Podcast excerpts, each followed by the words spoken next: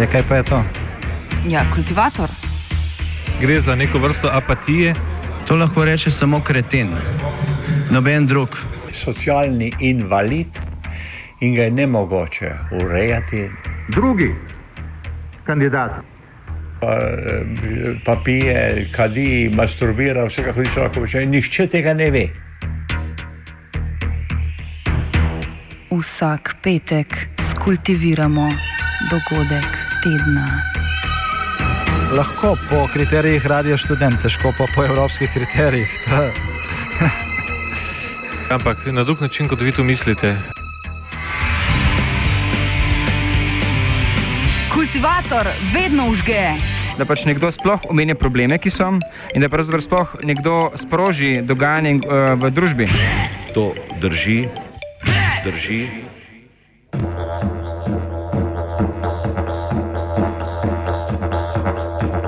Nizek krvni pritisk evroobmočja.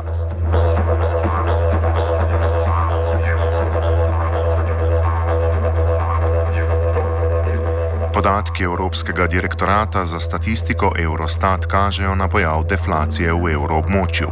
Še lanskega novembra je leto obeležilo nič celih tri odstotno inflacijo, za december pa že nič cela dva odstotno deflacijo. Trend upadanja inflacije je prisoten že dalj časa, kljub trudu Evropske centralne banke, da ohrani inflacijo na približno dveh odstotkih, pa ta ni bila blizu te meje že vse od leta 2012.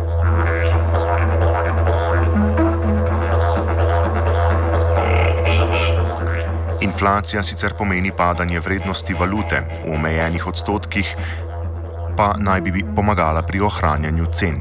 Deflacija je obratni proces, ki prinaša padanje cen in rast vrednosti valute. To se sicer sliši posamezniku povšeči, gledano širše pa situacija ni tako ugodna. To nam pojasni Franjo Štibler z Ekonomskega inštituta pravne fakultete. Deflacija pomeni negativno stopnjo rasti cen ali po domače zniževanje cen. Na prvi pogled zgleda, da je to uh, dobro, ker pomeni, da so stvari cenejše. Ampak običajno gre tu za posledico predhodnega zmanjševanja uh, dohodkov, plač, uh, štipendij, pokojnin, ki so tudi bistveno prispevale k uh, zniževanju cen. To se pravi, da ni nujno tako dobro ali pa celo ni dobro. Deflacija je znak bolezenskega stanja, tako kot je znak bolezenskega stanja gospodarstva inflacija. Kokor po prispodobi, pri visok krvni pritisk ni dober, niti sla, nizek eh, krvni pritisk ni dober, je tudi bolezensko stanje. Problem je v tem, da včasih je ta niz, nizek pritisk, torej deflacijo, težje odpravljati kot pa eh, inflacijo. Se pravi, da se soočamo z nečim, kar sploh ni normalno v gospodarstvu in v družbi, in bo treba borbo tudi, da bi se to odpravilo, predvsem tiste, bi rekel, vzroki, ki sem jih omenil. Se pravi, in tukaj zdaj že lahko greva uh, z, uh, k temu, kaj pomeni in zakaj, kaj bi bilo potrebno narediti. Ne? Pla, plače, vsi dohodki, fakt, uh, vseh, ki nastopajo v družbi, bi morali začeti rasti, končno enkrat. Mi smo pa v Evropski uniji našli edini način, da bi lahko reševali dolžniške probleme, ki smo si jih itak, ki si jih je sama ustvarila, uh, na način, da znižujemo uh, plače, do, dohodke, ki sem jih omenil, temu se reče notranja deflacija. Odtot potem deflacija na celotnem uh, področju, kar je uh, bolezensko stanje. Komentar na najnovejše Eurostatove podatke in uradno razlago vzrokov inflacije poda Alež Delakorda iz Analitsko-raziskovalnega centra Banke Slovenije. Med dejavniki, ki so najpomembneje prispevali k temu medletnemu upadu poprečnih cen v evropskem območju, je po nekoliko bolj razširjen, razširjenih podatkih uh, največ prispevala, uh, so največ prispevale cene energentov. Te so medletno, torej decembr 2014 v primerjavi z decembrom 2013, upade za nekaj več kot 6 odstotkov. Uh, in hkrati so tudi uh, na, v enakem obdobju cene nepredelane hrane uh, upadle za en odstotek. Uh, zdaj, te, te spadajoče uh, stopne inflacije v lanskem letu uh, in tudi ob koncu leta, potem deflacija, kažejo predvsem izredno hitro padanje cen surovin. Torej, nafta je na medletni ravni cene nafte v evri, izražene v evrih, je v tem obdobju december, v primerjavi z decembrom 2013, upadla približno, njene cene so upadle približno za 30 odstotkov in seveda, to seveda močno prispeva k upadanju tudi uh, celotne inflacije v evropskem območju. Uh, tisto, kar je zanimivo za ekonomiste, uh, je uh, opazovanje inflacije, ki ne vključuje teh cen, ki so dane od zunaj, torej nekih eksogenih šokov, ki so jim očitno podvržene cene nafte in pa cene uh, nepredelane hrane. Uh, temu mi rečemo osnovna inflacija. Osnovna inflacija načeloma v, v, so, so tiste cene v ekonomiji, ki niso podvržene tem eksogenim šokom in zanimivo je recimo, da so se v decembru lanskega leta uh, po nekaterih ocenah vse te osnovne inflacije uh, cene, uh, cene povišale za 0,8 odstotka.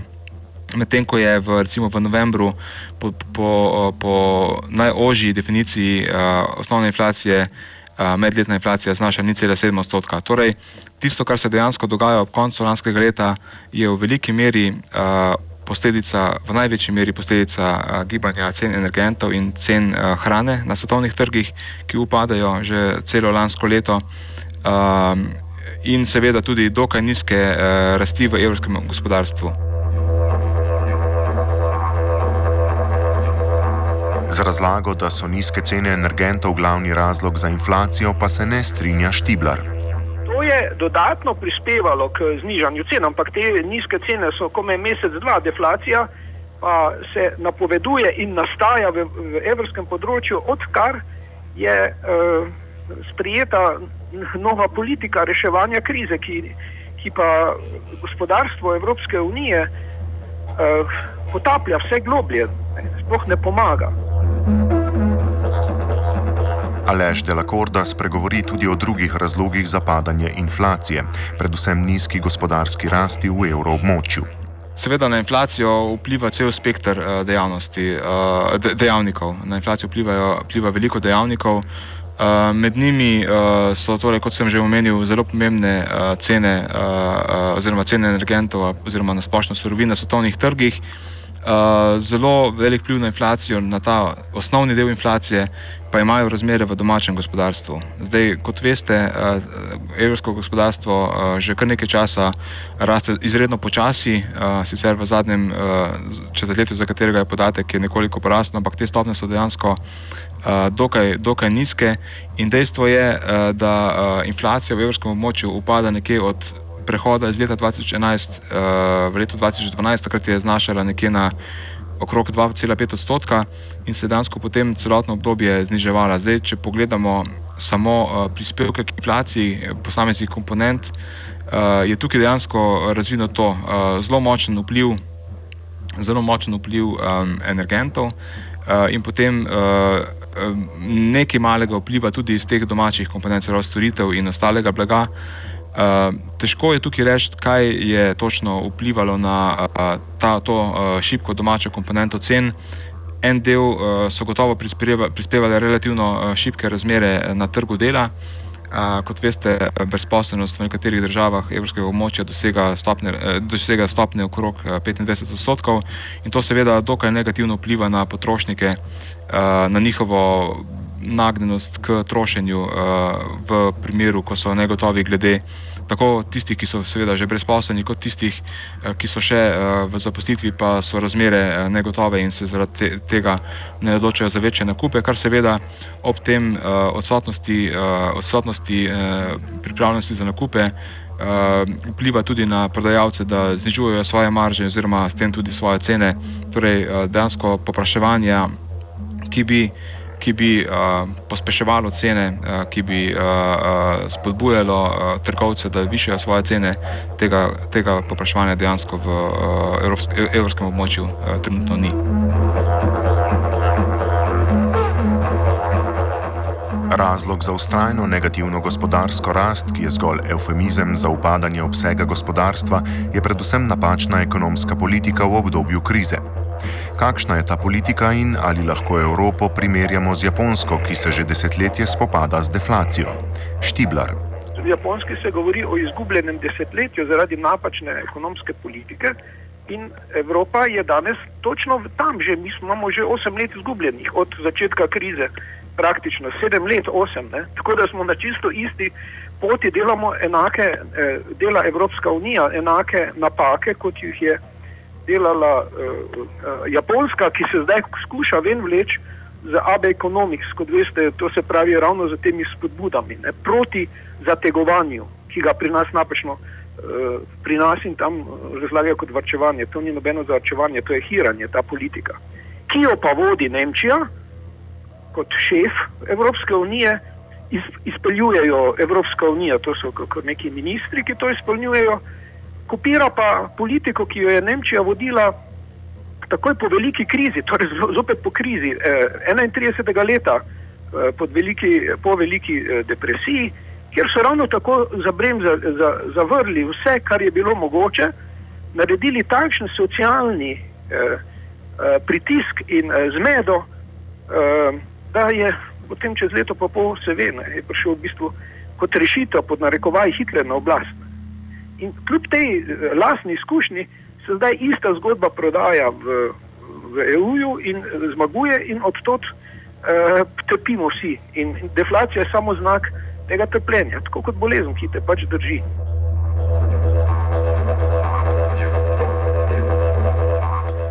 Deflacija ni problematična samo zaradi ekonomskih posledic, ki jih nosi, temveč tudi zato, ker se je z njo bistveno težje spopadati kot z inflacijo.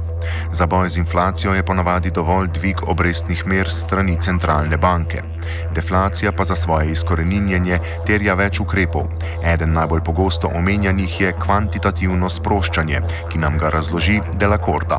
Kar se tiče uh, quantitative easinga, uh, stvar lahko zelo plastično razložimo, tako kot bi že sam prevod povedal, gre za, uh, gre za količinsko sproščanje. Torej, gre za to, da se v, obtok, uh, v obtoku pojavi večja količina denarja oziroma likvidnosti. Uh, kot veste, do sedaj uh, Evropska centralna banka uh, večinoma uh, svoje ukrepe usmerjala, oziroma jih običajno centralne banke usmerjajo v relacijo do bank, ki so potem posrednik te likvidnosti uh, naprej do realnega sektorja. Pri quantitative easingu gre za to, da se skuša s temi ukrepi uh, preseči, obiti uh, bank, bančni sistem. Banke so v evropskem območju očitno izredno zadržane pri odobravanju posojil, čeprav imajo pri sebi izredno veliko likvidnosti in sedaj uh, ti ukrepi uh, uh, količinskega sproščanja so namenjeni temu, da pridemo, da bi se ne prišlo uh, mimo bank do realnega sektorja, torej do lastnikov vrednostnih papirjev in podobnih instrumentov, ki, ki, ki so možni pri tem odkupovanju in, in dajanju denarja v obtok. Torej, gre predvsem za to, da se pride mimo bank in da se s tem uh, poveča količina denarja v obtoku pri realnem sektorju, ki bi na podlagi tega, te povečane količine denarja v svojih rokah uh, pričel uh, z nekoliko večjim trošenjem, kot pa je trenutno prisotno v evropskem območju. In kot sem že prej omenjal, uh, večje trošenje pomeni tudi večje popraševanje po proizvodih in storitvah in to tudi uh, zvišuje cene. In se potem na dolgi rok lahko uh, uh, inflacija približa dejansko cilju, ki ga ima svet Evropske centralne banke zastavljen kot svoj srednjeročni cilj. O kvantitativnem sproščanju kot edinem ukrepu, na katerega se velja zanašati, pa je kritičen Franjo Štiblar. Ali lahko Evropska centralna banka, se pravi, dragi z obljubami o kvantitativnem easing, se pravi, dodatnem, recimo, tiskanju, eh, dena, eh, dajanju kreditov za obveznice, ali lahko to reši, delno je odgovor. Sama monetarna politika, ekspanzija na ta način ne bo rešila problema deflacije, če hkrati ne bo tudi fiskalne ekspanzije. To pa je nemogoče, ker, sprej, ker je bil sprejet ta uh, sporazum, uh, zlato pravilo pod uh, dik, diktatom Nemčije in ker ni fiskalne dokler ne bo tudi hkrati ob monetarni, tudi fiskalne ekspanzije, bo, bojo cene šle dol. Da mi tukaj sploh v tem trenutku nimamo uh, hitre uh, rešitve, nažalost.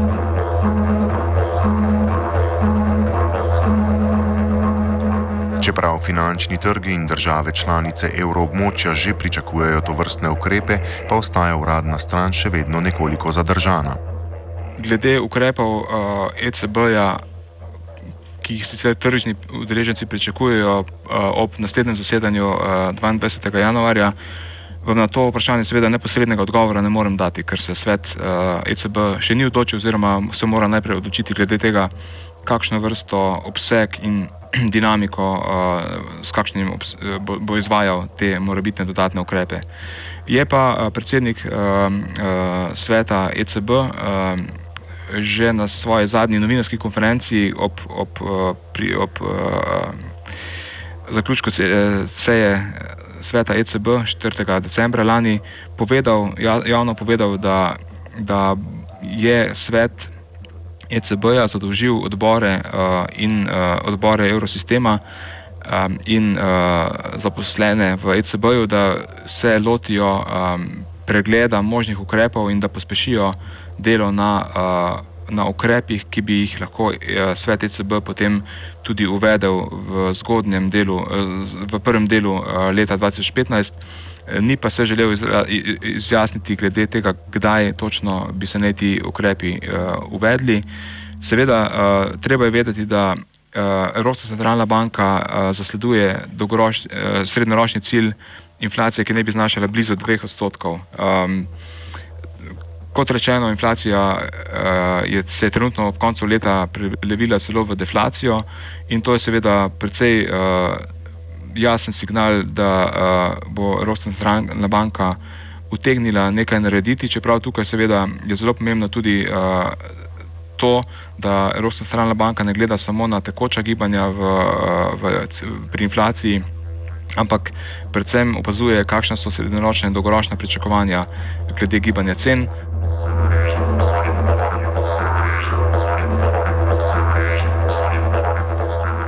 Ukrepi proti deflaciji, kakršni koli že bodo, lahko omiljujejo posledice slabe ekonomske politike. Za blagostanje vseh evropejcev bi bilo torej treba prekiniti s politiko zategovanja pasu, ki jo vodi Nemčija. Z nasveti, kako se v prihodnje spopasti z vrčevalnim primežem, zaključuje Franjo Štiblar. Deluješ lahko ven, izven ali pa znotraj. Jaz pač sem pristaš delovanja znotraj, pomeni, da bi se konkretno tudi Slovenija morala čim prej prikloniti uporu te zategovalne, eh, hirajoče politike, pomeni pridružiti eh, uporu, ki ga, izva, ki ga že izražata Italija in Francija. Ne, ja, Italija in Francija, zdaj imamo še Grčijo, ki bo se prav tako uh, uprla in ko bo večina proti temu, pač ta politika več ne bo šla. Zamislite si, tisti, ki niso v monetarni uh, uniji, Oni so itak v bistvu že uporniki ostalih devet držav, ki so ostale članice EU, ki so ostale izven evrskega območja in niti slučajno si ne želijo noter priti, razen eh, eh, zdaj to, kar imamo z eh, Litvanijo, ampak to je zato, ker pač eh, zaradi politi iz političnih razlogov. Ne. Tako da večina bo znotraj morala se temu upreti. Itak nimam sploh, eh, eh ne, nimam dvoma, da bo ta politika se izkazala tudi v negativni rasti. Mislim celo, da bo v četrtem kvartalu, v tem lanskem zadnjem, da bo nemško uh, gospodarstvo že imelo negativno rast, da bojo strašni ekonomski problemi zelo hitro vdarli ven uh, pri recimo nizozemski, pa finski, kar se o čemer se sploh nič ne govori, in da bojo tudi domači, domača publika, takrat, ko bojo pa imeli v teh, recimo zdaj vodilnih državah evrskega območja, dovolj domačih problemov, ki so jih ustvarili. Takrat bo pa mogoče tudi tam prišlo do določenega premika, tako si upam. Ne samo zdaj pri teh, eh, recimo zdaj, kot rečejo, olčnih eh, mediteranskih državah. In to je, to je tisto, kar bi človek upal, da bo prišlo do tega spoznanja. Vendar v tem trenutku, če pogledamo izjave ministra Šojble ali pa kanclerke Merklove, trmasto vztrajajo na poti v navzdol, po domače povedano, in to vsi mi nosimo.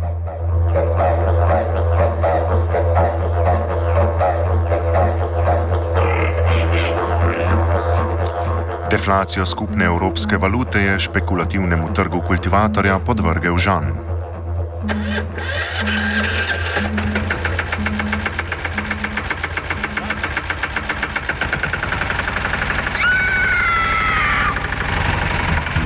Ja, kaj pa je to?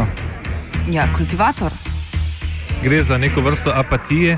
To lahko reče samo kreten, noben drug. Socialni invalid in ga je ne mogoče urejati. Drugi kandidat. Pa, eh, pa pije, kadi, masturbira, vse kako človek počne. Nihče tega ne ve. Vsak petek skultiviramo dogodek tedna. Lahko po kriterijih radio študent, težko pa po evropskih kriterijih. Ampak na drug način, kot vi to mislite. Kultivator vedno užge. Da pač nekdo sploh omenja probleme, ki so, in da pravzaprav sploh nekdo sproži dogajanje uh, v družbi. To drži, drži